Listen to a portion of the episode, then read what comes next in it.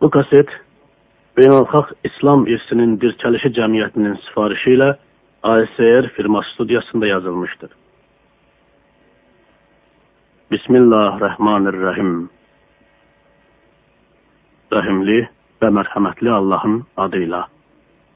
Allahın ülvülüyü.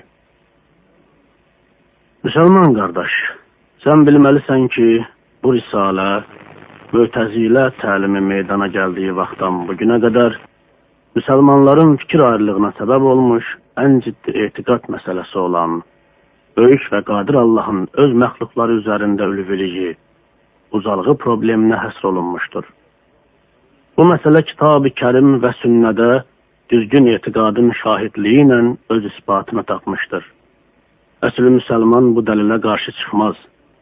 Lakin sünnədən ayrılıb təhrif yolunu tutan bəzi təlimlər həm özləri, həm də özlərindən sonra gələnlər üçün təhrif, yəni mənanı ayrı cür vermək qapısını açmışlar. Bizcə buna yalnız onların, sələflərin haqq yolundan azması səbəb olmuşdur. Şübhələr və onlara cavab. Sələfləri əvəz edənlər arasında Allah Taala'nın üstünlüyünü irəli sürərək, onun bənzərliyi və cismaniliyini, yəni Allahı insana oxşadaraq və ona üzvlər mənsub edərək iqrar edənlər və Allaha dünyavi mənada məkan şamil edənlər də vardır. Bu iki məsələdə şübhəni aradan qaldırmaq zəruridir. Bu şübhələrə cavab olaraq aşağıda bəzi imamların cavablarını veririk ki, onlarla Risalənin mətnində də tanış olacaq.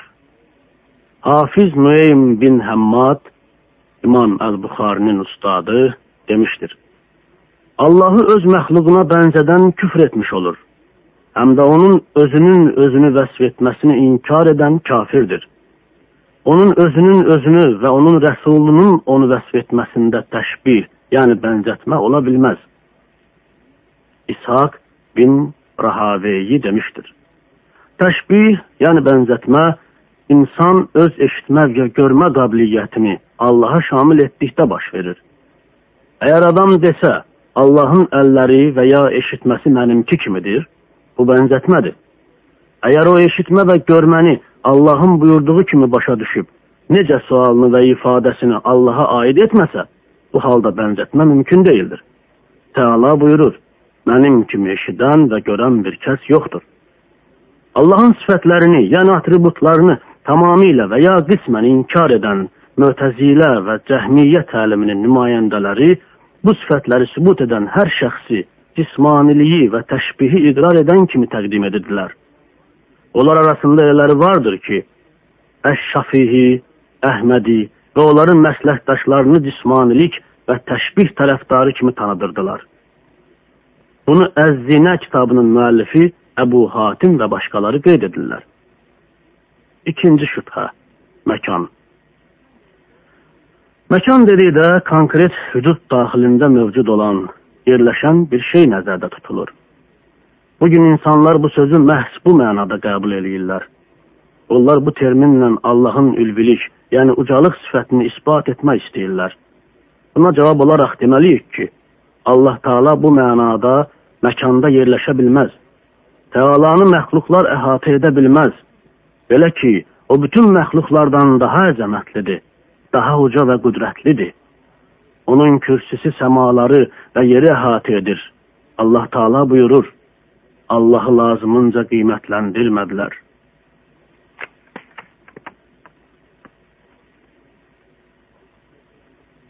Halbuki qiyamət günü yer bütünlüklə onun ovucunun içində olacaqdır.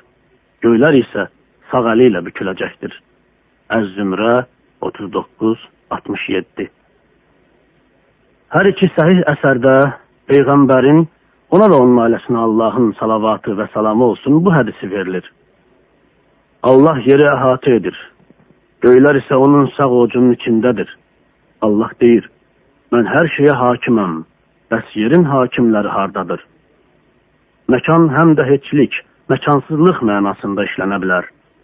Bu halda aləmin fövqündə olanlar nəzərdə tutulur. Allah Teala aləmin üzərindədir. Bu mənada məkan gerçək olan, məhdud olan demək deyildir. Bu məkan məxluqlar yaranmamışdan qabaq mövcud olmuşdur. Əgər alimlərdən və imamlardan kimsə məkanı Allah Taalaya şamil edildiyini oxusan, bil ki, burada məkan dedikdə heçlik, hüdudsuzluq nəzərdə tutulur. Bu halda Allahın ülviliyi, yəni ucalığı da sübut edilir. Bununla da Sübhanehu Teala'nın ülvülüyünü inkar edən cəhmiyyə və tətil əhlinə tutarlı cavab verilmiş olur. Onlar həmçinin varlıq, vücud mənasında Allahın hər yerdə olması fikri ilə çıxış edirlər. İmam Malik, Allah ona rəhmət eləsin, demişdir. Allah göydədir, yəni göyün üstündədir. Onun elmi isə hər yerdədir. Bu elmdən kənarda heç nə yoxdur. İmam Əhməd İbn Həmbəldən soruşurlar. Allah yeddinci səmanın üstündə öz ərşindədir, öz məxluqundan aralıdır. Onun qüdrəti və elmi isə hər yerdədirmi? İmam belə cavab vermişdir. Bəli, o öz ərşindədir. Onun elmindən kənarda heç nə yoxdur. Abdullah bin Əl-Mübarəkdən Allah ona rəhmət eləsin, soruşublar ki, İzzət və cəlalət sahibi Rəbbimiz hardadır? O belə cavab verib, yeddi göyün üstündə, öz ərşindədir, öz məxluqundan aralıdır. İmam bin Xüzeymə, Allah ona rəhmət eləsin, demişdir. Allah Taalanın öz ərşində, yeddi göyün üstündə olmasını iqrar etməyən şəxs Rəbbinə münasibətdə kafirdir. Tövbə etsə, tövbəsi qəbul olunar. Əks təqdirdə boynu vurulmalı, cəsədi isə müsəlman və əhdi peyman sahiblərinin layiq olmadığı leşi verən zibilliyə atılmalıdır. Onun malı da haramdır. Bu maldan müsəlmana heç nə çatmaz. Belə ki, Peyğəmbərlərimizin ona və ailəsinə Allahın salavatı və salamı olsun buyurduğu kimi, müsəlman kafirin varisi ola bilməz. Öz dövrünün tanınmış alimi, Şam əhli olan İmam Əl-Avzayi, Allah ona rəhmət eləsin, demişdir. Ardıcılların kifayət qədər olduğu bir vaxtı biz deyirik. Böyük və qadir Allah öz ərşinin üstündədir. Onun sünnədə verilən sifətlərinə imam gətiririk. Əhməd İbn Teymiyyə, Allah Taala ona rəhmət eləsin, demişdi. Əl-Avzayi bu sözləri Allahın öz ərşi üstündə olmasını və onun sifətlərini inkar edən cəhmiyyə məzhəbi meydana gələndən sonra demişdir ki, adamlar sələflərin təliminin bunun əksinə olduğunu bilsinlər. Mərhum İmam Əz-Zuhri demişdir, İslam Allahdan risalədir. Peyğəmbərə onu çatdırmaq, bizə isə ona təslim olmaq vacibdir. Mərhum İmam Əl-Avzayi demişdir, sən sələflərinin yolunu tutmalısan. İnsanlar səni rədd etsələr və ya səninlə təmtaraqla danışsalar da, fikirlərindən dönməməlisən. Təqribən 50 il bundan sonra Şüreykdən soruşurlar. Ya Əbə Abdullah, bizdə bir dəstə mötəzillər vardır ki, bu hədisləri inkar edirlər. Allah dünya səmasına yenir və cənnət əhli öz Rəbbini görürlər. Şüreyk bu məzmunda təqribən 10 hədis söylədi və dedi, biz öz dinimizi əshabələrin ardıcıllarının övladlarından əxs etmişik. Rəsullar kimdən öz əqidələrini əxs etmişlər? Qaynaqların ən yaxşısı, ən xoşa gələni, ən təmizi, ən faydalısı asanlıqla qavranılan, aydın ifadələri və dərin mənaları ilə seçilən, insan qəlbinə inam, iman, təsdiq və təzim hissi ilə dolduran, ona elm və marif nuru saçan Məhəmmədin şəriətinin qaynağıdır. Dinin üsullarının və fürularının vəhillərlə başa düşülməsi mümkündür. Teala buyurur, biz Quranı əzbərləmək üçün asanlaşdırdıq. Görəsən onu öyrədən bir nəfər varmı?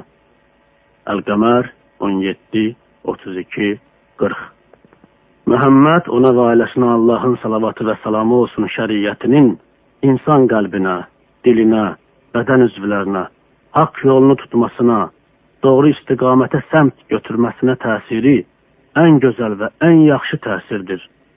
O qəlbi saflaşdırır, bədən üzvləri də onun üçün saflaşır. Şəriətin əksi batil olanların qaynaqlarıdır. Xüsusilə bu o şəxslərə aiddir ki, öz dinlərini fəlsəfi prinsiplərə əsaslanan, əqli hikmət adlandırdıqları nadanlıq üzərində qurmuşlar. Bununla onlar Allahın öz ərşi üzərində yüksəlməsini inkar etmişlər. Onların qaynağının fəsadı, zahirinin və batininin batilliyi aşkar oldu. Şəriət və səlsəbil qaynağını dinsizliyin kökü olan xəbislik və qabahət qaynağı ilə əvəz etdilər və bununla da həm üsullarda, həm də firulardan günaha batdılar. İmam Əhməd bin Həmbəl, Allah ona rəhmət eləsin, zındıqlara və cəhmiyyə tərəfdarlarına cavab əsərində yazır. Səhifə 48-49. Siz Allahın ərşə istihva etməsini inkar etdiniz. Allah Taala buyurur: Ər-Rəhman ərşə yüksəldi. Tahə 15. O buyurur: Göyləri və yeri altı günə yaratdı və sonra ərşə yüksəldi. Yunis 3 O bizə bildirmişdir ki, göydədir və o deyir, Allahın göyün üstündə olduğuna və yeri titrədə bilməsinə əmin oldunuzmu? Əl-Mülk 16 Yaxud göydə olanın üstünüzə daş yağdıra bilməsinə əmin oldunuzmu? Əl-Mülk 17 O buyurur, pak söz ona doğru yüksəlir. Fatir 10 Pak söz Allahın zikri, salih əməl, inkar ediləndən uzaqlıq, tilavat və s. deməkdir. O İsa'ya demişdir, sənin ömrünü tamam edib dərgahıma qaldırıram. Ali İmran 55 O buyurur, Allah onu öz dərgahına qaldırdı. Ən-Nisa 158 Yenə buyurur, yerdə və göylərdə olanlar yəni bütün məxluqlar və dərgahında olanlar, yəni mələklər ona məxsusdular. Əl-Ənbiya 19 Yenə buyurur, üstlərində olan Rəbbilərindən qorxurlar. Ən-Nəhl 50 Yenə buyurur, mələklərin qalxdığı pillələrə sahibdir. Əl-Ma'aric 3 buyurur, o öz bəndələri üzərində mütləq hakimdir. Əl-Ən'am 18 buyurur, ən uca və ən əzəmətli olan odur. Əl-Bəqərə 255 Bununla Allah bizə bildirir ki, o səmadadır. Göylərdə olan da, yerdə olan da Allahdır. Əl-Ən'am 3 Qadir Allahın kəlamının mənası budur. O göylərdə olanların da, yerdə olanların da tanrısıdır, ilahıdır. O ərşin üzərindədir. Onun elmi isə ərşdən kənardakıları da əhatə eləyir. Allahın elmindən xali bir məkan yoxdur. Allahın elminin bir yerdə olub, o birisində olmaması mümkün deyil. O həmçinin buyurur, Allahın hər şeyə qadir olduğunu, Allahın hər şeyi öz elmi ilə əhatə etdiyini bilməyinizdən ötürü Allahın əmri məxluqa nazil oldu. Ət-Talaq 12 Sual və cavab Şeyxül İslam Əbül Abbas Təqiyyəddin Əhməd bin Teymiyyədən Allah ona rəhmət eləsin, etiqad məsələsində bir-biri ilə ixtilafda olan iki nəfər barədə soruşurlar. Onlardan biri deyirdi, Allah Sübhanehu və Teala'nın səmada olmasına etiqad etməyən şəxs haqq yolunu azmış olur. Başqası deyirdi, Allah Sübhanehu məkanla məhdudlaşmır Bu şəxslərin hər ikisi Şafii məzhəbində idilər. Bizə deyin görək, Əş-Şafiyinin, Allah ondan razı olsun, məzhəbindən nəyi qəbul eləyək? Onda savab olan nədir? Cavab, Allaha həmdu sana olsun. Allah rizasını qazanmış Əş-Şafiyinin etiqadı, İslamın sələfləri sayılan Malikin, Əs-Sauranın, Əl-Avzayının, İbn Əl-Mübarəkin, Əhməd bin Həmbəlin və İshaq bin Rahəveyhin etiqadıdır ki, bu da öz növbəsində Əl-Fazil bin İyaz, Əbu Süleyman Əd-Dərani, Səhl bin Abdullah, Ət-Təstəri və başqa müqəddir şeyxlərin etiqadıdır. Dinin üsulları, yəni əsas prinsipləri məsələsində bu imamlar və onlar kimləri arasında fikir ixtilafı yoxdur. Həmçinin İmam Əbu Hənifə, Allah ona rəhmət eləsin, tohid və qəza və qədər məsələlərində sabit etiqad sahibi idi. bu və başqa problemlərdə yuxarıda adı çəkilən alimlərlə eyni mövqedə olmuşdur. Onların etiqadı isə əshabələrin və salih ardıcılların etiqadı ilə eyni olmuşdur. Bunu kitab və sünnə sübut edir. Əş-Şafeyi özünün Ər-Risalə adlı xütbəsinin əvvəlində demişdir. Özünün özünü vəsf etdiyi kimi olan və məxluğunu vəsf etdiyindən üstün olan Allaha həmdu sana olsun. Mərhum imam göstərir ki, Allah öz rəsulunun ona və ailəsinə Allahın salavatı və salamı olsun, dili ilə öz kitabında onun özünün özünü etdiyi kimi vəsf olunur. Əhməd bin Həmbəl deyir, Allah yalnız onun özünün və yaxud onun rəsulunun, ona və ailəsinə Allahın salavatı və salamı olsun, hər hansı bir təhrif və nöqsandan, hər hansı bir uyğunlaşdırma və bənzətmədən xali olduğu kimi vəsf olunmalıdır. Onun özünün özünə aid etdiyi gözəl adlar və ölü sifətlər ona şamil edilməlidir. Və onun sifətlərində, nə zatında, nə də ki, əməllərində ona bənzər bir şey yoxdur. O eşidəndir və görəndir. İmam həmçinin demişdir, səmaları və yeri, onlar arasında olanları altı günə yaradan və ərşə yüksələn odur. Musa ilə kəlamla, yəni sözlə danışan, dağa nur saçan və onu parçalayan da odur. Heç nə onun sifətlərindən bir zərrə də onu təmsil etmir. Heç kəsin elmi onun elmi, qüdrəti onun qüdrəti, mərhəməti onun mərhəməti, istihvası onun istihvası, eşitmə və görməsi onun eşitmə və görməsi, nitqi onun nitqi kimi deyildir. Nə də onun kimi kimsə nur saça bilməz. Allah Sübhanehu, Allah Teala bütün naqislikdən uzaqdır və kamallığına görə müqəddəsdir. Bizə bildirmişdir ki, cənnətdə ət, süd, bal, su, inək, qızıl vardır. Abdullah İbn Abbas, Allah onların hər ikisindən razı olsun, demişdir. Ahirətdə olanlardan dünyada yalnız adlar vardır. Bu qayib olan məxluqlar, adların uyğunluğu ilə yanaşı gözlə görünən məxluqlar kimi deyillər. Adlarda eyni olsalar da, Xaliq öz məxluqundan daha əzəmətlidir.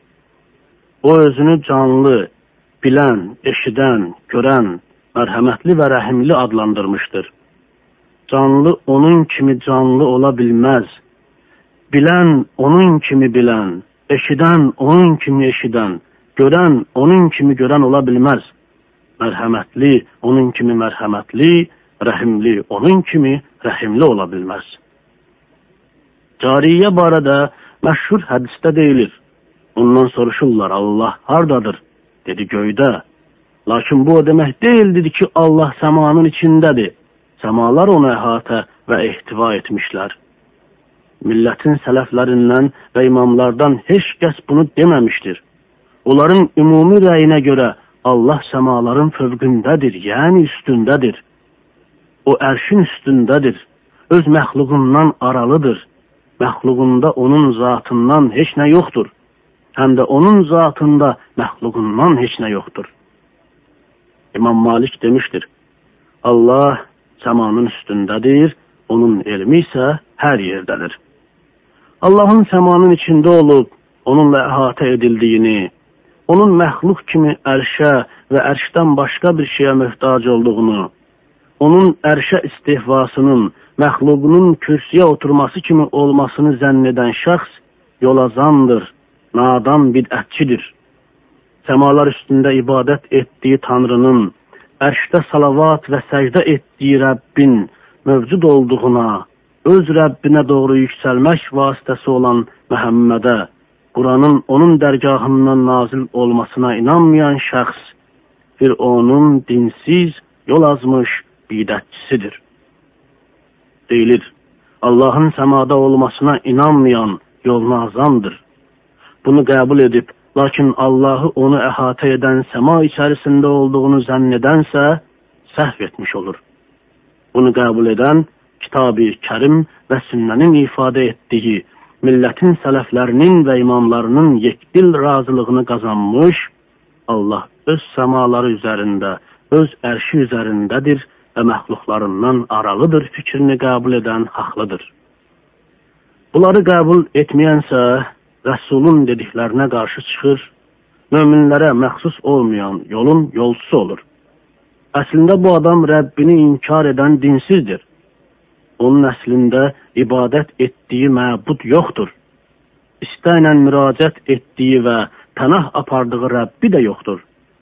Bu cəhmiyyə təliminin tərəfdarlarının onlara bənzər başqa fironi dinsizlərin iddialarıdır. Allah öz bəndələrini istər ərəbləri, istərsə də əcəmləri Allaha dua edərkən fitrətən başlarını ayaqları altına deyil, yuxarı qaldırmağa sövq etmişdir. Ariflər demişlər, Arif adam, ya Allah ifadəsini dilindən əvvəl qəlbində deyirsə, bununla ülviliyi, yüksəkliyə üz tutur, nə sağa, nə sola baxmır. Bu məsələlərə hülul və tətil, yəni Allahın sifətlərinin bəzilərinin mənasını inkar edənlər, məsələn, Cəhmiyyə, Mötəzilə, Əşariyyə, indiki dövrün əhbaşları şübhələri vardır. Bununla onlar Allahın kitabına, Rəsulullahın ona və ailəsinə Allahın salavatı və salamı olsun, sünnəsinə, müsəlman millətinin sələflərinin və imamlarının ümumi fikrinə, Allahın öz bəndələrinin qəlbini fitrətən sövq etdiklərinə qarşı çıxırlar. Onlar həmçinin səhih əqli dəlilləri də inkar eləyirlər. Bütün bu dəlillər belə bir yekdil fikri ifadə eləyir ki, Allah öz məxluqlarının üzərindədir, yəni fövqündədir, onların üstündədir. Allah Taala bu fitri hissi vacib olaraq qocaya da, cavana da, köçərilərə də aşılamışdır onlarda Xaliq-i Teala'nın varlığına fitri inam doğurmuşdur.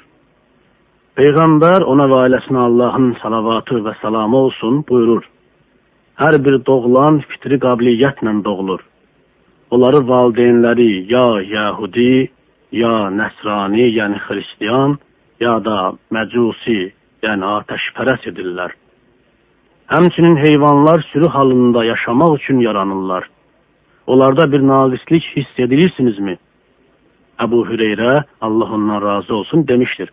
Əgər istəsəniz bundan sonra oxuyun. Allahın insanlara aşladığı fitri qabiliyyət Allah məxluqlarında əvəz edilməzdir. Ömər bin Əbdul Əzizin, Allah ondan razı olsun, irəli sürdüyü fikrin mənası budur. Sənə kitab vasitəsilə uşaqlara da, köçərilərə də məxsus dil verilmişdir sənə fitri qabiliyyət bəxş edilmişdir. Allah öz bəndələrinə haqqı fitrətən bəxş etmişdir. Peyğəmbər ona və ailəsinə Allahın salavatı və salamı olsun bu fitri qabiliyyəti kamilləşdirmək və iqrar etmək üçün göndərilmişdir. O fitrəti çevirmək və ya dəyişdirmək üçün gəlməmişdir. Peyğəmbərin ona və ailəsinə Allahın salamı və salavatı olsun, Fironçu və cəhmiyyəçilər kimi düşmənləri isə Allahın bəxş etdiyi fitri qabiliyyəti dəyişdirmək istəyirlər. Adamlar arasında şübhə doğuran sözlər yayırlar. Adamların çoxu onların məqsədini başa düşmür, onlara tutarlı cavablar verə bilmirlər. Onların yol azmaqlarının əsl səbəbi ümumi cümlələrlə nə Allahın kitabında, nə onun rəsulunun sünnəsində olmayan, nə də ki, müsəlman imamlarının hər hansı birinin işlətmədiyi sözlərlə danışmalarıdır. Məsələn, ləfs, təhəyyüz, yəni qərəz, cism, cihət və s. sözlər bu qabildəndir. Arif olana onların şübhə toxumları səpməsi aydındır. O yalnız kitab-ı kərim və sünnədə ifadə edilən fikirləri rəhbər tutaraq deyir. Əgər bizim ayəmizi təftiş edənləri görsəniz, ona qarşı çıxın və buna imkan verməyin. Allah onun adları, sifətləri barədə kitab və sünniyə zidd sözlərlə danışan şəxs Allah ayələrini batilliklə təftiş etmiş olur. Bu adamlarla çoxsu müsəlman imamlarına onların demədiklərini şamil edirlər. Əbu Hənifiyə, Əş-Şafiyyə, Maliyyə və Əhməd bin Həmbələ onlara məxsus olmayan fikirləri aid eləyirlər. öz adıcıllarına deyirlər, bu filan imamın etiqadıdır. Onlardan səhih dəlil və sübut tələb edildikdə yalanları aşkar olunur. İmam Əş-Şafii demişdir, kəlam əhlinə hökmün budur. Onların dabanlarına quru xurma çubuqları vurub, tayfalara və qəbilələrə nümayiş etdirilərək deyilməlidir. Kitab-ı Kərim və sünnədən üz çevirib kəlamı qəbul edənin cəzası budur. Əbu Yusuf Əl-Qazi demişdir, dini kəlamla qəbul edən zındıqdır. İmam Əhməd demişdir, kəlama bürünməyən adam məqsədinə çata bilər. Bənzətmə yol verən bəzi alimlər demişlər, dinsiz heçliyə ibadət eləyir, dinsiz kördür, bənzədən isə pis görür. Allahın dinində qiymətli olan da, qiymətli olmayan da aydındır.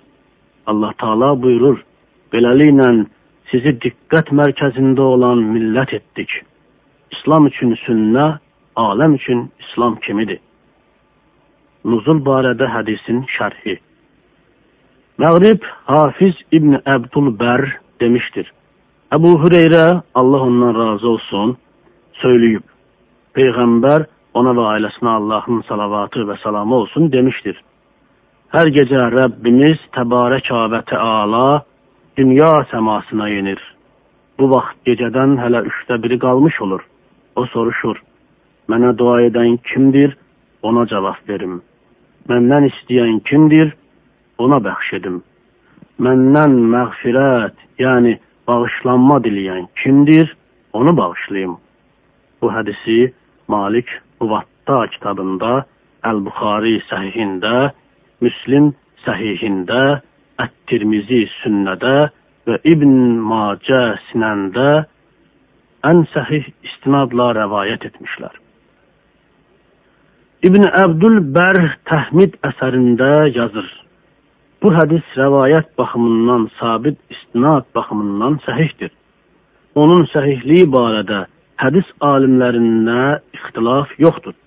Bu hədis göstərir ki, böyük və qadir Allah yeddi göyün üstündə, səmanın üstündə, ərşin üzərindədir. Çoxları bu fikirdədir.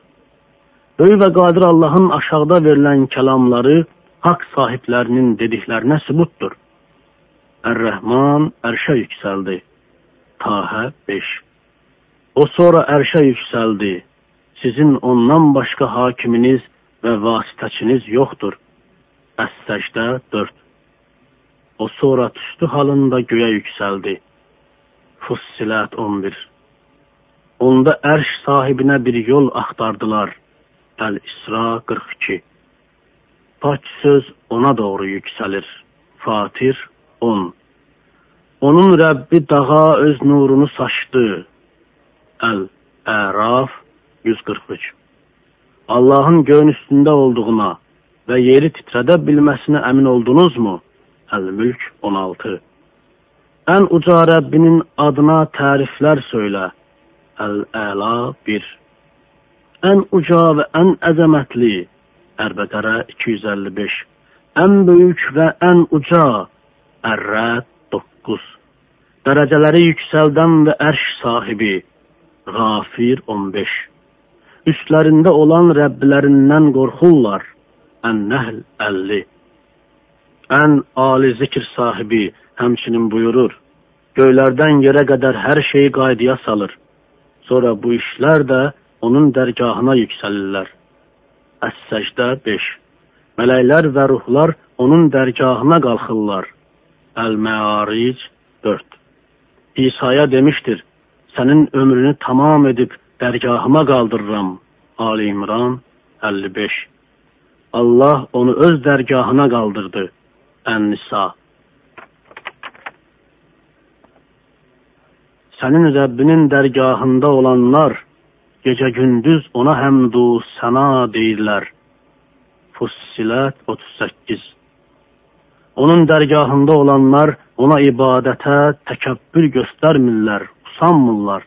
Əl-Ənbiya 19 Onu dəf edən yoxdur, o ali dərəcələr sahibi Allaha məxsusdur. El-Me'aric 2 3 Allah Taala'nın göğün üstünde olan ve yeri titrede bilene emin oldunuz mu? Kelamının manası budur ki Allah göğün en yüksek katının üstündedir. Yani erşin üstündedir. Burada məhz üstünde, üzerinde olmak nəzərdə tutulur. Allah kelamı yeryüzünde serbest gezip dolaşın. Ət-Tövbə 2 veya sizin el ayağınızı xurma kötükləri üzerinde kəstirəcəyəm. Tahə 71 bütün bunlar Teala'nın bu sözlərini təsdiq eləyir. Mələklər və ruh onun dərgahına qalxırlar. İnkar edənlərin imamı Firondur. Allah Taala Firon haqqında bunları xəbər verir. O Musanın tanrısını görmək, səmalar üzərində olması fikrini təkzib etmək niyyəti ilə göyə qalxmaq üçün çox hündür pillələr tikdirdi və dedi: Ey Haman, Mənim üçün çox uca bir qəsr tik. Onun yolları, qapıları olsun ki, səma yolları ilə qalxıb Musanın tanrısını görüm. Mən elə zənn edirəm ki, o yalançıdır. Qafir 36-37 Allahın ən uca səmalar üzərində olduğunu inkar edən Firon cəmiyyətçidir. Bu fikri iqrar edənsə Musəvi Məhəmməddir. İmam mərhum Ət-Təbəri demiştir. Firon deyir, mən elə düşünürəm ki, Musa onu bizə göndərən Rəbbin mövcudluğunun göydə olmasını deməklə və iddia etməklə yalan danışır. Mərhum Əbül Həsən Əl-Əş'ari bu ayə barədə deyir. Firon Musanın ona salam olsun, Allah Sübhanehu səmalar üzərindədir fikrini təkzib etdi. Mərhum Əl-Cüveyni bu ayəni şərhində yazır. Bu onu gösterir ki Musa ona bildirmiştir. Onun Rəbbi göylərin üzərindədir. Buna görə də Firon demiştir. Mən zənn edirəm ki, o yalançıdır. Mərhum Əd-Dərami bu ayə barədə demişdir. Bu ayədə açıq-aydın həqiqət, açıq sübut vardır. Musa Fironu Allahın səma üzərində olmasını qəbul etməyə çağırırdı.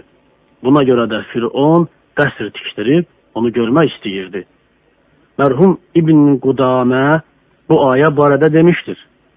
Yəni mən elə düşünürəm ki, Musanın tanrısının səma üzərində olması iddiası yalandır. Bu müxalif müsəlman mövqeyi tutan şəxs də iddia edir ki, Musa yalançıdır və onun dediklərini inkar edir. O öz iddiasını Rəbbil aləminə qarşı olmasını qətiyyət və yəqinliklə bildirərək sadiq və etibarlı peyğəmbəri təkzib edir əshabələrin və ardıcılların sələfi, imamların və başqa alim adamların göstərdikləri haqq yolundan azır.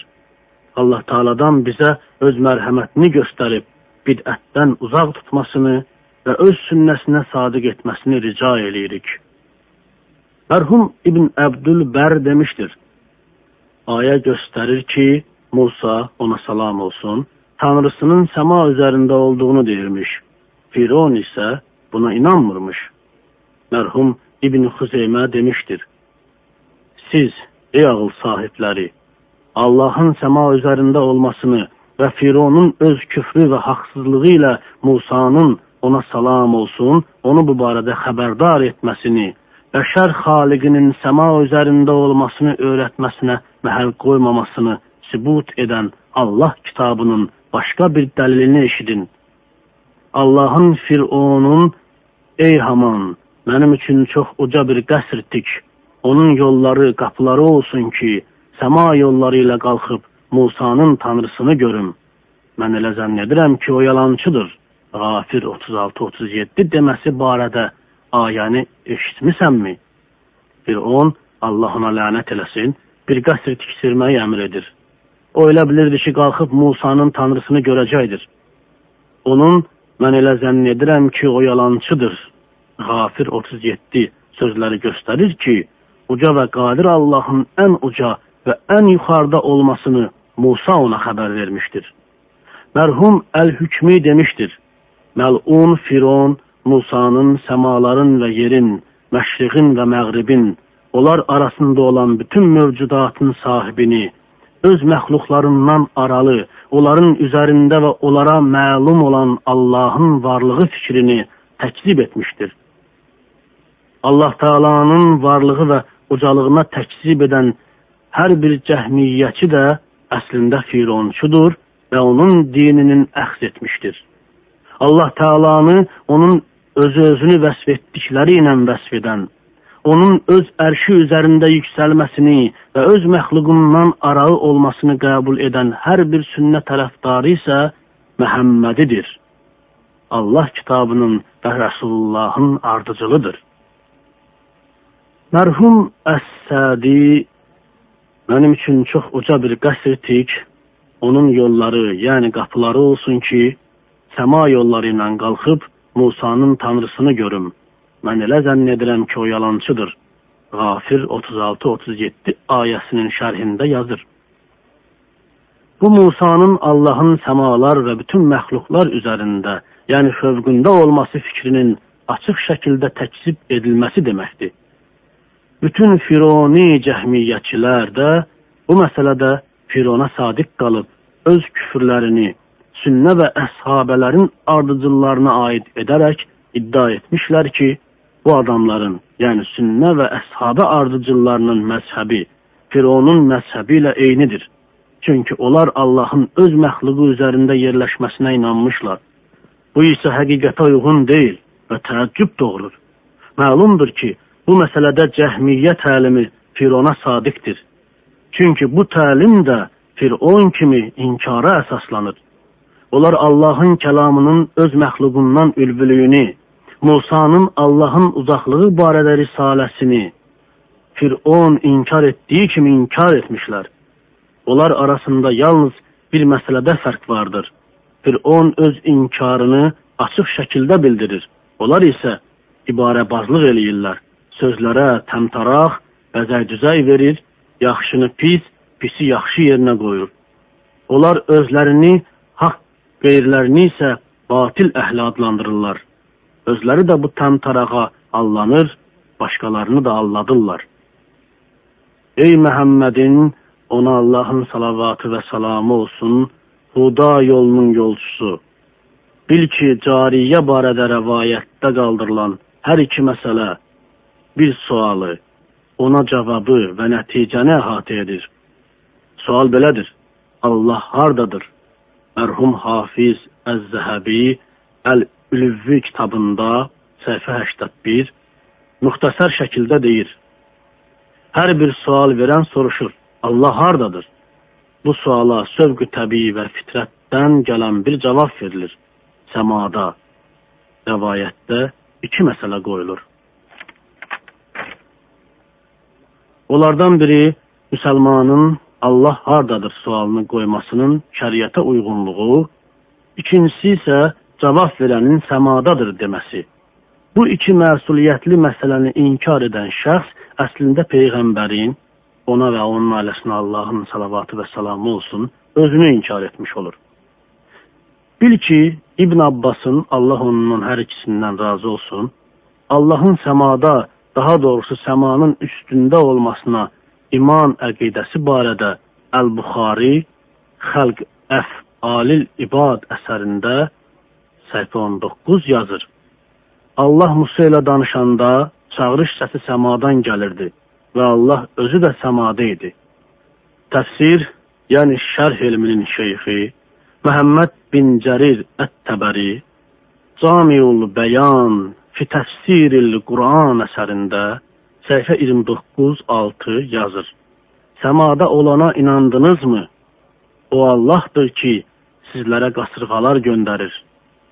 Təfsir alimlərindən Əl-Bəğəvi, Muallim Təzil 4 371 və Əs-Suyuti Əd-Dur Əl-Mənsur 8 238 əsərlərində də bu barədə danışırlar. Mötəzillər və onların yolunu tutanlar istehva, yəni üzərində, üstündə olmaq sözünü istila, yəni yiyələnmək ilə vəz etmişlər. Yəni ərşə yiyələndi. Bununla həqiqətdə deyilmiş fikri dəyişdirmişlər. Onların bu iddiası bir çox cəhətdən öz fitnəkarlığı ilə seçilir. Ərəb dilində heç vaxt istehva, istila mənasını verməmişdir. bu fikri etimad və istinad edilən dilçi alimlərdən, yəni imamlardan heç kəs deməmişdir. Əksinə, onlara edilən səhih istinadlar göstərir ki, görkəmli dilçi alimlər bu fikri hamılıqla rədd etmişlər. Dilçi alim və dilçilərin imamı İbn Əl-Ərabi, Allah ona rəhmət eləsin, demişdir. İbn Əbu Davud İmam Əhmədi bin Həmbəlin bəlaya düçar olmasına səbəb olan cəhmiyyə qazisidir. Mənə müraciət edib ərəb dilində Ər-Rəhman ərşə yüksəldi, yəni istihva etdi. Tahəb 5 ayəsində istihva sözünün istila etmək mənasını tapmağı tələb etdi. Mən ona belə dedim. Allah and olsun ki, belə deyil və bunu tapa da bilməzsən. Əl-Xəlil bin Əhməd Əl-Fərahiddidən Allah ona rəhmət eləsin, dildə istehvanın istila mənasında işlənə bilməsi barədə soruşur, o belə cavab verir. Bunu ərəblər bilmirlər və onların dilində bu məna yoxdur. Buna görə də İbn Əl-Cuzi Zəd Əl-Məsir əsərində 3-223 yazır. Dilçilər bu mənanı inkar etmişlər. İbn Əbdül Bər Təmhid əsərində 731 yazır. Onların istehvanı istila kimi şərh etməsi mənasızdır. Çünki dildə bu məna yoxdur. İstihva kimi şərh edilən istila kəlməsi ilə xalq, yəni yaratma, qəhr, yəni güc, qüdrət, qələbə, mülk və ona sahib olmaq qüdrəti mənaları nəzərdə tutulur. Lakin Təalanın Ər-Rəhman ərşə yüksəldi yəni istihva etdi Tahə 5 kəlamına bu mənaların hər hansı birini aid eləmək aşağıda göstərilən səbəblər üzündən düzgün deyildir. A. Xəlq, yəni yaratma Allah Taala'nın ərşi səmalardan və yerdən sonra xəlq etməsi, yəni yaratması deməkdir. Bu da kitaba, sünniyə və icmaya ziddir. Çünki Allah bildirir ki, o səmaları, yeri və onlar arasında olanları altı gün ərzində yaratmış və sonra ərşə yüksəlmişdir. Teala həmçinin bildirir ki, səmaları və yeri xəlq etməmişdən qabaq, onun ərş suyu üzərində olmuşdur. Bu fikri həm də Umran bin Həsinin, Allah ondan razı olsun, hədisində də ifadə edilir. Peyğəmbər ona və onun ailəsinə Allahın salavatı və salamı olsun demişdir. Allah var idi, ondan qabaq bir şey yox idi. Onun ərşi su üzərində idi. Zikirdə hər şeyi yazdı. Sonra da səmaları və yeri xəlq etdi. Əl-Buxari 6 286 13 403 Əhməd 4 431 Əgər ərş səmaların və yerin xəlq edilməsindən qabaq mövcud idisə, ona yüksəlmək, yəni istihva səmaların, yerin yaradılmasından sonra baş veribsə, onda Allahın məhz istihva üçün yaratmış olduğuna və ya yaratmaq istədiyinə və ya yaratmaq niyyətində olduğuna istihvası necə baş verə bilər? Lakin onu etməyi istəməsi, niyyətində olması mənası nə dildə, nə nəsirdə, nə nəzmidə, nə həqiqi, nə də məcazi mənada işlənməmişdir. B. İslah etməyi yalnız əks tərəfə malik olanlara aid etmək olar. Allahın isə əks tərəfi olmur. Nəftəvehdən Davud bin Əli belə rəvayət eləyir ki, İbn Əl-Ərabinin yanında idik. Bir nəfər gəlib dedi ki, Ya Əbu Abdullah, Tealanın Ər-Rəhman ərşə yüksəldi. Tahə 5 ayəsinin mənası nədir? O dedi, xəbər verdiyi kimi, o öz ərşinin üstündədir. Kişi dedi ki, ey Əbu Abdullah, bu elə yələnmək, yəni istila deməkdir. Əbu Abdullah Nəftəveyh dedi, səsini kəs. Bir şeyə yalnız ona qarşı duran və yaxud onu arzulayan yələnə bilər. Yəni iki nəfərdən biri o birinə qalib gələrsə, deməli o istila etdi, yəni yələndi. Mən deyirəm, bu mənada istihvanı istila kimi işlədən xəlq etmədə Allaha onun əksi olanı şərif qoşmuş olur. Çünki dildə istila, yəni yələnmək yalnız üstün gəlməkdən, qələbədən sonra mümkündür. Zəfər çalan barədə deyirlər ki, o filan şiyə yiyələndi, yəni istila etdi. Bu təhriflə məşğul olan şərhçilərdən soruşuruq. Allaha əks olan kimdir ki, Allah Taala ona üstün gələ bilmiş, onun mülkiyyətinə yiyələnə bilmişdir. Bu cür şərih qoşmadan uzaq olmaq üçün yalnız şərhdən əl çəkib sələflərin təfsirinə qayıtmaq lazımdır. Bir kəsin bir şeyə yiyələnməsi o deməkdir ki, bu şəxs əvvəllər ona yiyələnə bilməmiş, sonra isə bunu edə bilmişdir. Məyər Allahın elə bir məxluqu ola bilər ki, Allah Taala ona yalnız bir müddət keçəndən sonra yiyələnmiş olsun? Bu şərhçi bizə ərşin, səmaların və yerin yaradılmasından qabaq mövcud olduğu və Allahın ona yiyələnə bilmədiyi müddəti göstərsin. Qəlbində Allaha məhəbbət hissi olan bir adam bu təhrif olunmuş şərhi Allaha aid etməklə ondan utanmırmı? Allah Teala Ər-Rəhman ərşə yüksəldi. Tahə 5 ayəsi ilə güya ki, bunları demək istəyirmiş. Mənim bəndələrim, bilin ki, mən səmaları, yeri və onların arasında olanları xəlq edəndən sonra öz ərşimə zəfər çaldım. Ona güc gəldim və ona yiyələndim öz ehtiraslarının əsiri olan bu adamlar bilməlidirlər ki, Allah Taala hər şeyin sahibidir və yiyəsidir. Allah Subhanahu Taala bütün məxluqlara sahibdir. Görəsən bu məxluqlar arasında Allahın sahibi olduğu ərşi xüsusi ayırıb öz əsərlərində dəfələrlə bu fikri nəzərə çatdırmağın mənası nədir? Bir şeyə yiyə durmağı onu istila etməyi yalnız o şəxs bilər ki, o əvvəlcə bunu etməkdə aciz olsun və yalnız sonradan buna gücü çatsın. Allah Subhanahu heç bir şeydə aciz ola bilməz. Allahın öz yaratdığından üstün olması məsələsinin səhih peyğəmbər sünnəsində qoyuluşu barədə. Peyğəmbər ona Allahın salavatı və salamı olsun demişdir. Rəhimlilərə Ər-Rəhman rəhm edir.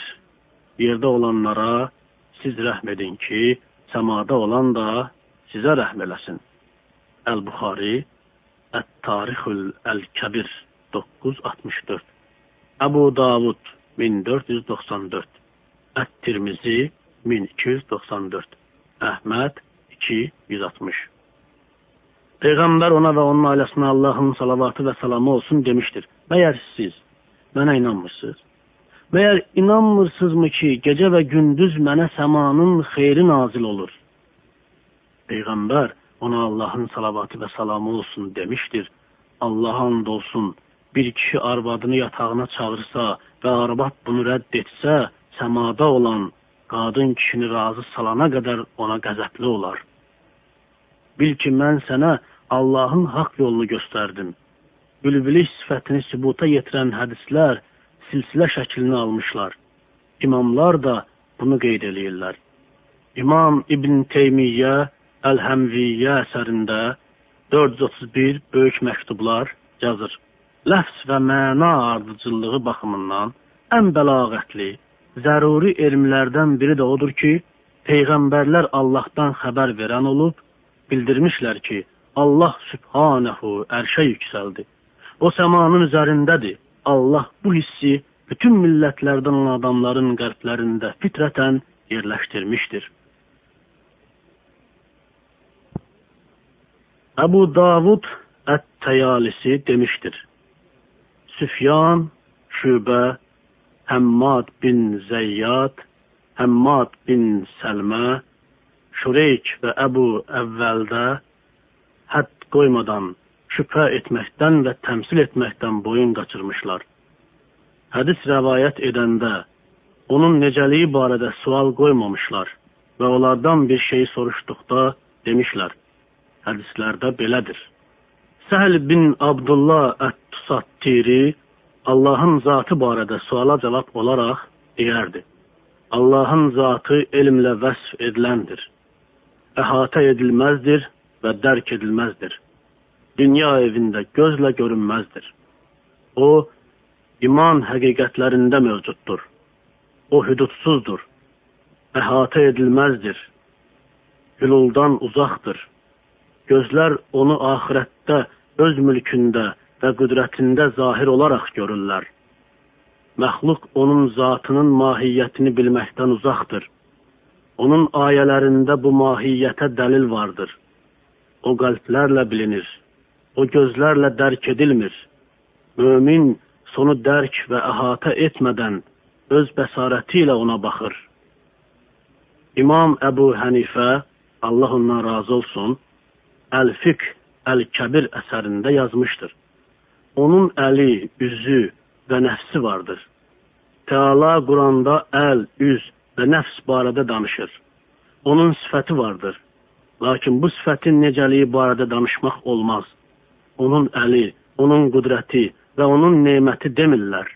Belə deyilsə, sifətlər batil edilə bilər.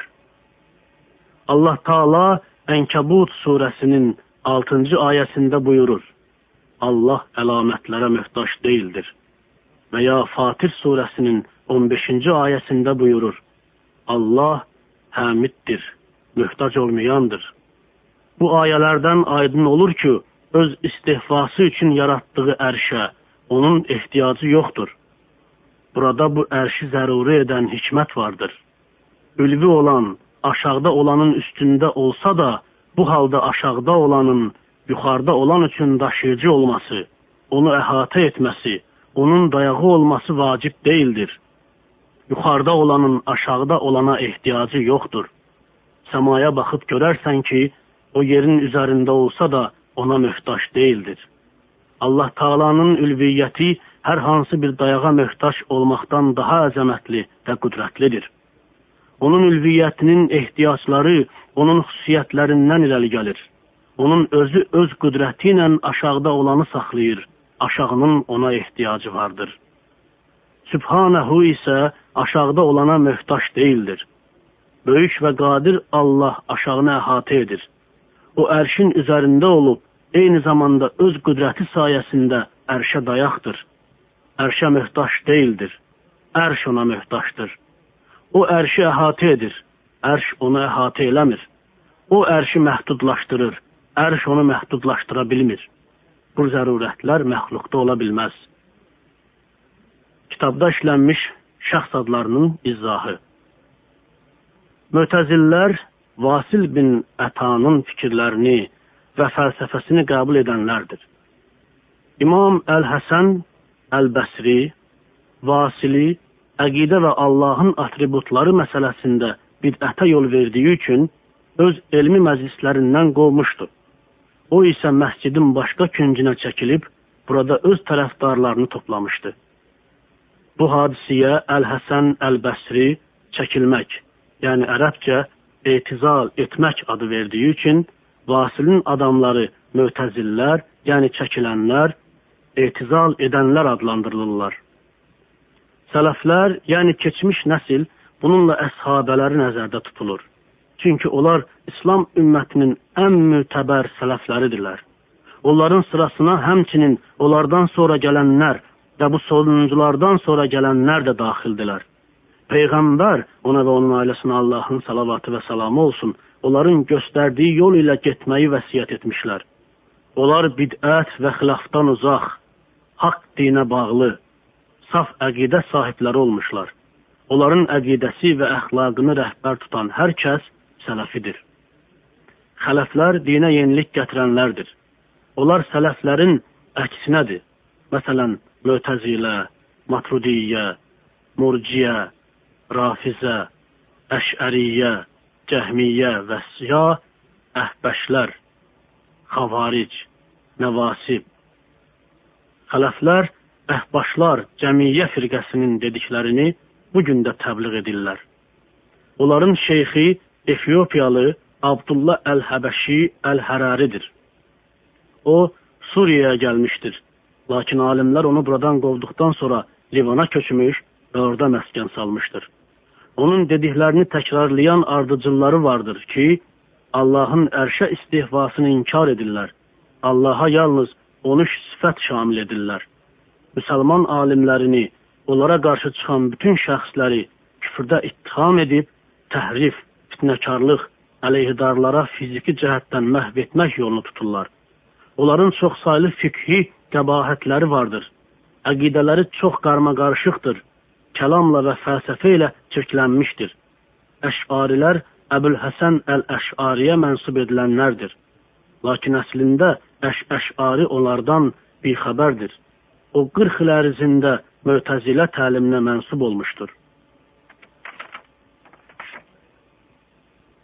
Bundan sonra ondan uzaqlaşmış, əqidə məsələsində irəli sürdükləri şübhələrə cavab vermişdir. Özünə məxsus bir təlim yaratdı. Onun əsas prinsipləri İbn Gilabdan əxz etmişdi. Adamlar onun təlimini qəbul etmiş və yaymışlar. Bu təlim Mötəzilə ilə əlaqədardır. Onun təsirinə məruz qalmışdır. Lakin sonradan Mötəzillərdən uzaqlaşmış, saf etiqad sahibi olmuşdur. İmam Malik Abdullah Malik bin Ənəs bin Malik Hicri 93-cü ildə anadan olmuş və 86 il yaşamışdır. Öz dövrünün tanınmış hifz alimi, faqihi, Mədinə əl-Münəvvərinin imamı, Peyğəmbər ona və ailəsinə Allahın salavatı və salamı olsun hədislərini dərindən bilən və onlara bağlı çox mömin bir müsəlman idi. Bir dəfə Rəsulullahın hədisini danışarkən Əqrəb onu 16 dəfə dişləsə də söhbətini kəsməmiş. İmam Əş-Şəfii demişdir: Əgər alimlərdən söhbət gedirsə, Malik bir ulduz kimi tanınır. Malik və İbn Üyeynə olmasaydı, Hicazda elm məhv olardı. Onun çoxsaylı şagirdləri və məzhəbinin ardıcılları olmuşdur. İmam Əhməd bin Həmbəl Hicri 164-cü ildə anadan olmuşdur hədis alimlərinin imamı olmuşdur. 35 min hədisi əhatə edən Əl-Müsnəd, yəni qaynaq, dayaq kitabının müəllifidir. Minlərlə hədisi əzbər bilirdi. İmam Əş-Şafii demişdir: Mən Bağdaddan çıxanda möminlikdə İbn Həmbələ bərabər fikri onun qədər bilən bir şəxs yox idi. Quran əhli fitnə fəsad çağırıldı, hakimiyyət isə sustu. Onun üzü zərbələrə, həbsə məruz qalsa da, səbr etdi və zəfər çaldı. Çox xoş sifət bir adam idi. Hicri 241-ci ildə vəfat etdi. Onun dəfnində 800 min kişi və 60 min qadın iştirak etmişdir. Alimlər demişlər ki, əgər eşidəsiz ki, kimsə İmam Əhmədin əqidəsini tənqid edir, onu İslama müxalif olmaqda ittiham edir. Deməli, bu adam özü saf əqidəyə, əshabələrin öz rəsulundan əxz etdikləri əqidəyə qarşı çıxmış olur. Abdullah bin Mübarək imam, görkəmli hafiz alim, mücahidlərin fəxri, ən dözümlü zahid kimi tanınır. Atası türkdür. Hicri 118-ci ildə anadan olmuşdur. Ömrünü elm və bilik istəyi ilə səyahətlərdə, həcc ziyarətlərində, cihadda və ticarət işlərində keçirmişdir çoxsaylı şagirdləri olmuş, sahiblik haqqında kitabın müəllifidir. Əbu Bəkir Məhəmməd bin Xüzeymə görkəmli hafiz, imamların günəşi kimi məşhurdur. Hicri 222-ci ildə doğulmuşdur. Dövrünün görkəmli şəxsiyyəti idi. Minlərlə hədisi Fatihəni əzbər bildiyi kimi bilirdi. Əsərlərinin sayı 140-dan artıqdır. Onun Əs-Səhih kitabı vardır. Tanınmış imamlar Əl-Buxari və Müslim ondan elm öyrənmişlər. Hicri 311-ci ildə vəfat etmişdir. Əbdürrəhman bin Əmr Əl-Avzayi Əd-Dəməşqi Şamın, yəni Suriyanın ən elmli şəxsiyyəti olmuşdur. 70 min suala cavab vermişdir. Hicri 88-ci ildə anadan olmuşdur. 70 yaşında Beyrut şəhərində vəfat etmişdir. Təqiyyəddin Əhməd Əbdülhəmid bin Teymiyyə ən böyük alimlərin imamı hesab edilir. Hafiz və tənqidçi, çox bilikli və məhsuldar şərhçi, zahidliyi öyrədən müəllim və dövrünün nadir şəxsiyyəti olmuşdur. Hicri 661-ci ildə anadan olmuşdur. Elmi biliklərə yiyələnməkdə böyük uğurlar qazanır, hədis elmini və fiqhi dərindən mənimsəyir, İslam elmlərini, kəlamı öyrənir, yol azmış bidətçi təlimlərə, təbliğ edənlərə və filosoflara tutarlı elmi cavablar vermişdir. O öz dövründə zəkalı elm adamı, kəramətli və cəsarətli zahid kimi tanınmışdır. Onun elmi qüdrəti həm məsləhdaşları, həm də əleyhidarları tərəfindən yüksək qiymətləndirilmişdir. Son dərəcə çox saylı 300 cilddə toplanan əsərlərin müəllifidir. Dəfələrlə sınağa çəkilmiş, əzab əziyyətlərə məruz qalmışdır. Öz cəsarətliyi üzündən dəfələrlə həbs edilmişdir. Monqol tatar işğalçılarına qarşı çıxmış və onların müsəlman torpaqlarından çıxarılması işində xidməti olmuşdur. Hicr 728-ci ildə həbsxanada Əl-Qəmər surəsinin 54 və 55-ci ayələrini oxuduğu zaman vəfat etmişdir. Həqiqətən müttəqilər müxtəlif cənnət bağlarında və gür çayların axdığı yerdə, haqq məclisində qadir hökmdarın huzurunda olacaqlar. Cəhmiyyə əqidə məsələlərində xüsusilə Allahın sifətləri, yəni atributları problemində yol açmış bir firqədir, yəni dəstədir. Bu təlimin banisi olan Cəhm bin Səfavının adını daşıyır. Cəhm Allahın öz məxluqlarından ucalığını, yəni ülviliyini, Allahın nitq sifətini inkar etmişdir. O həmçinin ilahi sifətləri onların həqiqi mənasından təcrid edərək demişdir. Allah rəhimsiz rəhman, yəni mərhəmətli, elmsiz alimdir. Onlar həm də Qur'anın yaradılması iddiasını irəli sürmüşlər. Müsəlman alimləri onların küfrünü ifşa etmişlər. Onların etiqadı mötəzillərə siyasət etmişdir. Bu sonuncuların banisi Basil bin Ət'ardır. Məhəmməd bin Müslim Əz-Zuhri Əbu Bəkir Mədinəli Hafiz əshabələrindən gənc nəslinə mənsub 2200 hədis sahibidir. Əlində lövhə və vərəqlər əshabələr arasında gəzib hədisləri yazırmış. Xəlifə Ömər bin Əbdüləziz demişdir, keçmiş sünnənin, yəni qanun qaydaları, əz-zührü kimi bilən bir nəfər qalmamışdır. Çox hafizəli və axtarış həvəsli, səxavətli bir adam, mahir bir əskər olmuşdur. 80 gecəyə Qur'anı əzbərləmişdir. Hicri 124-cü ildə vəfat etmişdir.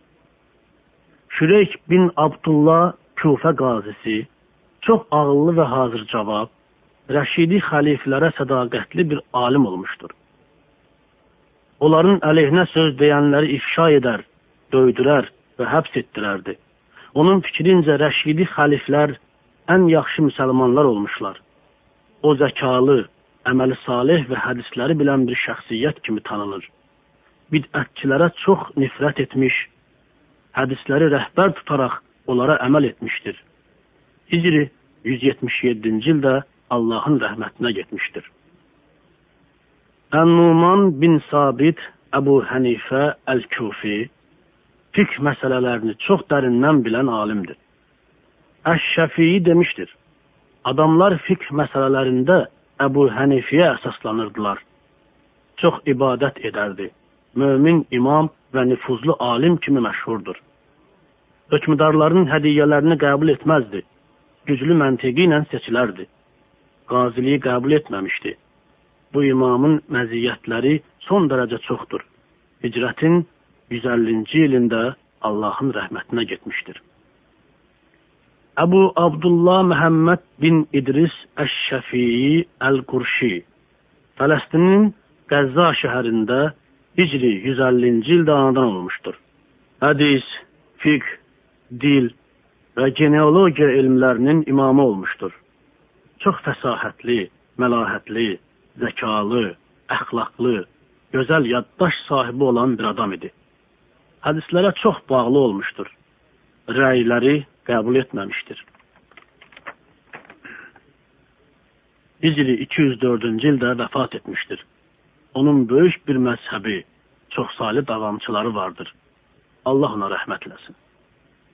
Abdullah bin Abbas Peyğəmbərin, ona və ailəsinə Allahın salavatı və salamı olsun, əmisi oğludur. Peyğəmbər onu fiqh elmini mənimsəməyə hazırlamışdır. O təfsir və fiqh sahəsində böyük alimdir. müsəlman ümmətinin haqlı olaraq fəxr etdiyi bir şəxsiyyətdir. Kiçik yaşlarından İslamı qəbul etmiş, Rəsulullaha xidmətçi olmuşdur.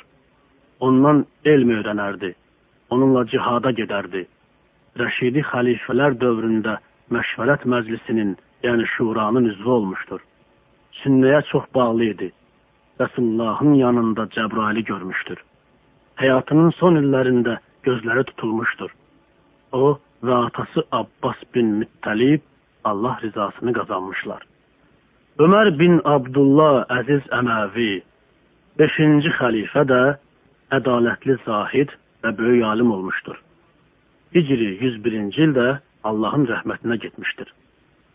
Əbu Yusuf Əl-Qadi İmam Əbu Hənifənin məsləkdaşlarındandır. Onun yaxın dostu və tərəfdarı olmuşdur. Çox zəkalı və hədislərə bağlı adam idi. Hicr 182-ci ildə Allahın rəhmətinə getmişdir. Əbu Ömər Yusuf bin Əbdülbər Ən-Qurtubi Məcrubin ən böyük alimi və hafizidir. Hicri 463-cü ildə anadan olmuşdur. Hədislər toplamış, təsnif etmiş və əsərlər yazmışdır. Çox qüdrətli alim, uzaq görən, son dərəcə mömin bir şəxsiyyət idi. Çoxsaylı əsərlərin və İmam Malikin Əl-Muatta kitabına şərhin müəllifidir. O əsl fiqh və hədis ensiklopediyası olmuşdur. İbn Həzm demişdir, ona bərabər bir şəxs görməmişəm. O həmçinin əshabilərin adları barədə sorğu kitabının müəllifidir. Ət-Təbəri Məhəmməd bin Cərir müsəlman işlətinin ən tanınmış şərhçilərindən biri, tarix və şərh sahəsində dünya şöhrətli imamdır. Onun şərhləri 30 cilddə toplanmışdır. Rəvayətlərə və hədislərə istinad etmişdir. Tarixə aid qiymətli əsəri vardır. Fiqh sahəsində məzhəb yaratsa da geniş yayıla bilməmişdir. Hicr 224-cü ildə anadan olmuş və Hicr 310-cu ildə vəfat etmişdir. Əbul Həsən Əl-Əş'ari Hicri 260-cı ildə anadan olmuşdur. Əş'arilər ona mənsub edilir. Əvvəlcə 40 il ərzində Mötəzili, sonra Gilabi, daha sonra isə İmam Əhmədin məzhəbində sələfi olmuşdur. Onun əqidə məsələlərinə dair əsərləri vardır. Onlardan İslama həsr olunmuş məqalələri və şərhləri göstərmək olar. Hicr 324-cü ildə Allah Taala'nın rəhmətinə getmişdir. Əbdülməali Əbdülməlik Əl-Cüveyni hər iki hərəmin imamı idi. Hicri 418-ci ildə anadan olmuşdu. Şafii məzhəbinə mənsub alimdir. Mütənnəllim, faqih və nazir olmuşdur. Əl-Əşarinin gilabi xarakterli fikirlərini əvvəllər qəbul etsə də, sonradan onları Allahın atributlarının təvili bilib rədd etmişdir. Hicrətin 478-ci ildə vəfat etmişdir. Abdullah bin Əbdürrəhman Əd-Dərami Əs-Səmərqəndi Əl-Hafiz Müsnəd əsərinin müəllifidir. Hicri 181-ci ildə anadan olmuşdur. Elmə yələnmək üçün bütün ölkələri gəzmişdir. İmamlardan və hafizlərdən hədisi əxz etmişdir. Çox mömin, sədaqətli, zahid bir bəndə idi. Öz dərin ağlı və sonsuz kəraməti ilə tanındığı üçün dindarlıq, xeyirxahlıq, çalışqanlıq və ibadət sahəsində ideal bir şəxsiyyət idi. Hədisləri toplamış, təsnif və tərtibini yerinə yetirmişdir. Hicr 225-ci ildə Allahın rəhmətinə getmişdir. Abdullah bin Əhməd bin Qudamə Əl-Məqdisi, Zahid, Faqih, imam və ən böyük alimlərdən biridir. Hicri 541-ci ildə anadan olmuşdur. Görkəmli alimlərdən dərs almaq üçün ölkələr gəzmiş, dövrün ən tanınmış İslam alimlərindən elm öyrənmişdir. Hənbəli fiqhi ilə xüsusilə məşğul olmuş, müqayisəli fiqh mövzusunda Əl-Muğni əsərinin müəllifidir. Öz imamının hədislərinə mültəzim olub, onları əsaslandırmaq üçün dəlillər tapardı. Məişətdə çox sadə, xoş əxlaqlı, xeyirxax bir adam idi. çox ibadət edər, hər gün Qur'anın bir yeddi ayəsini oxuyardı. Məhəmməd bin Əhməd Əz-Zəhəbi milliyyətcə türkməndir. Hicri 673-cü ildə anadan olmuşdur. Hafizlər və tarixçilər arasında xüsusi yeri vardır. Ən görkəmli müstəhidlərdən biri idi. Hədis elmi sahəsində xüsusi bilik və məharəti ilə seçilirdi. Öz dövründə sayca ən çox əsər yazmışdır. İslam tarixini 20-dən artıq sayda böyük ciliddə toplamışdır. Ən görkəmli elm adamlarının həyatına aid 24 ciliddə əsər yazmışdır. Hicri 748-ci ildə Allah Taala'nın rəhmətinə getmişdir. Cəlaləddin Əs-Suyuti Hicri 849-cu ildə anadan olmuşdur. Dövrlə tanınmış hafizlərindən dərs almışdır. Tanınmış imam, hafiz və müştəhid dilçilik sahəsində böyük alim idi. İslam elminin müxtəlif sahələrinə aid 300 əsərin müəllifidir. Hicri 911-ci ildə Allah rəhmətinə getmişdir.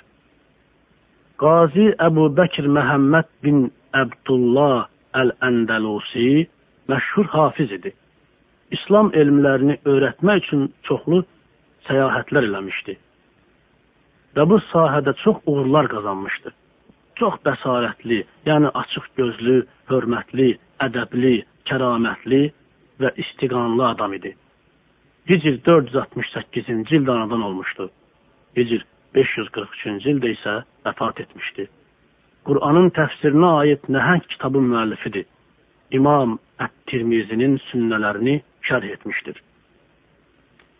Əl-Xəlil bin Əhməd Əl-Fərahidi ərəb dilinin qrammatikası və ərəb poeziyası sahəsində görkəmli alimdir. Bu sahələrdə ən etibarlı bilik sahibi sayılır. Hicrətin 160-cı ilində Allahın rəhmətinə getmişdi. Əbdürrəhman Əbülfərəc bin Əl-Cuzi hədis elmi sayəsində dövrünün ən böyük alimi və böyük imamıdır. Xüsusilə hədislərin toplanması, moizəsi və rəvayət edilməsi işində fərqlənmişdir. Çoxsaylı kitablar tərtib etmiş, əsərlər yazmış və bir çox əsərlərin üzünü köçürmüşdür. Onun bu hədislərə dair böyük təfsirləri və təsnifləri vardır çox ağıllı və bidətli bir adam idi. Hicr 597-ci ildə Bağdadda vəfat etmişdir. Allahın köməkliyi ilə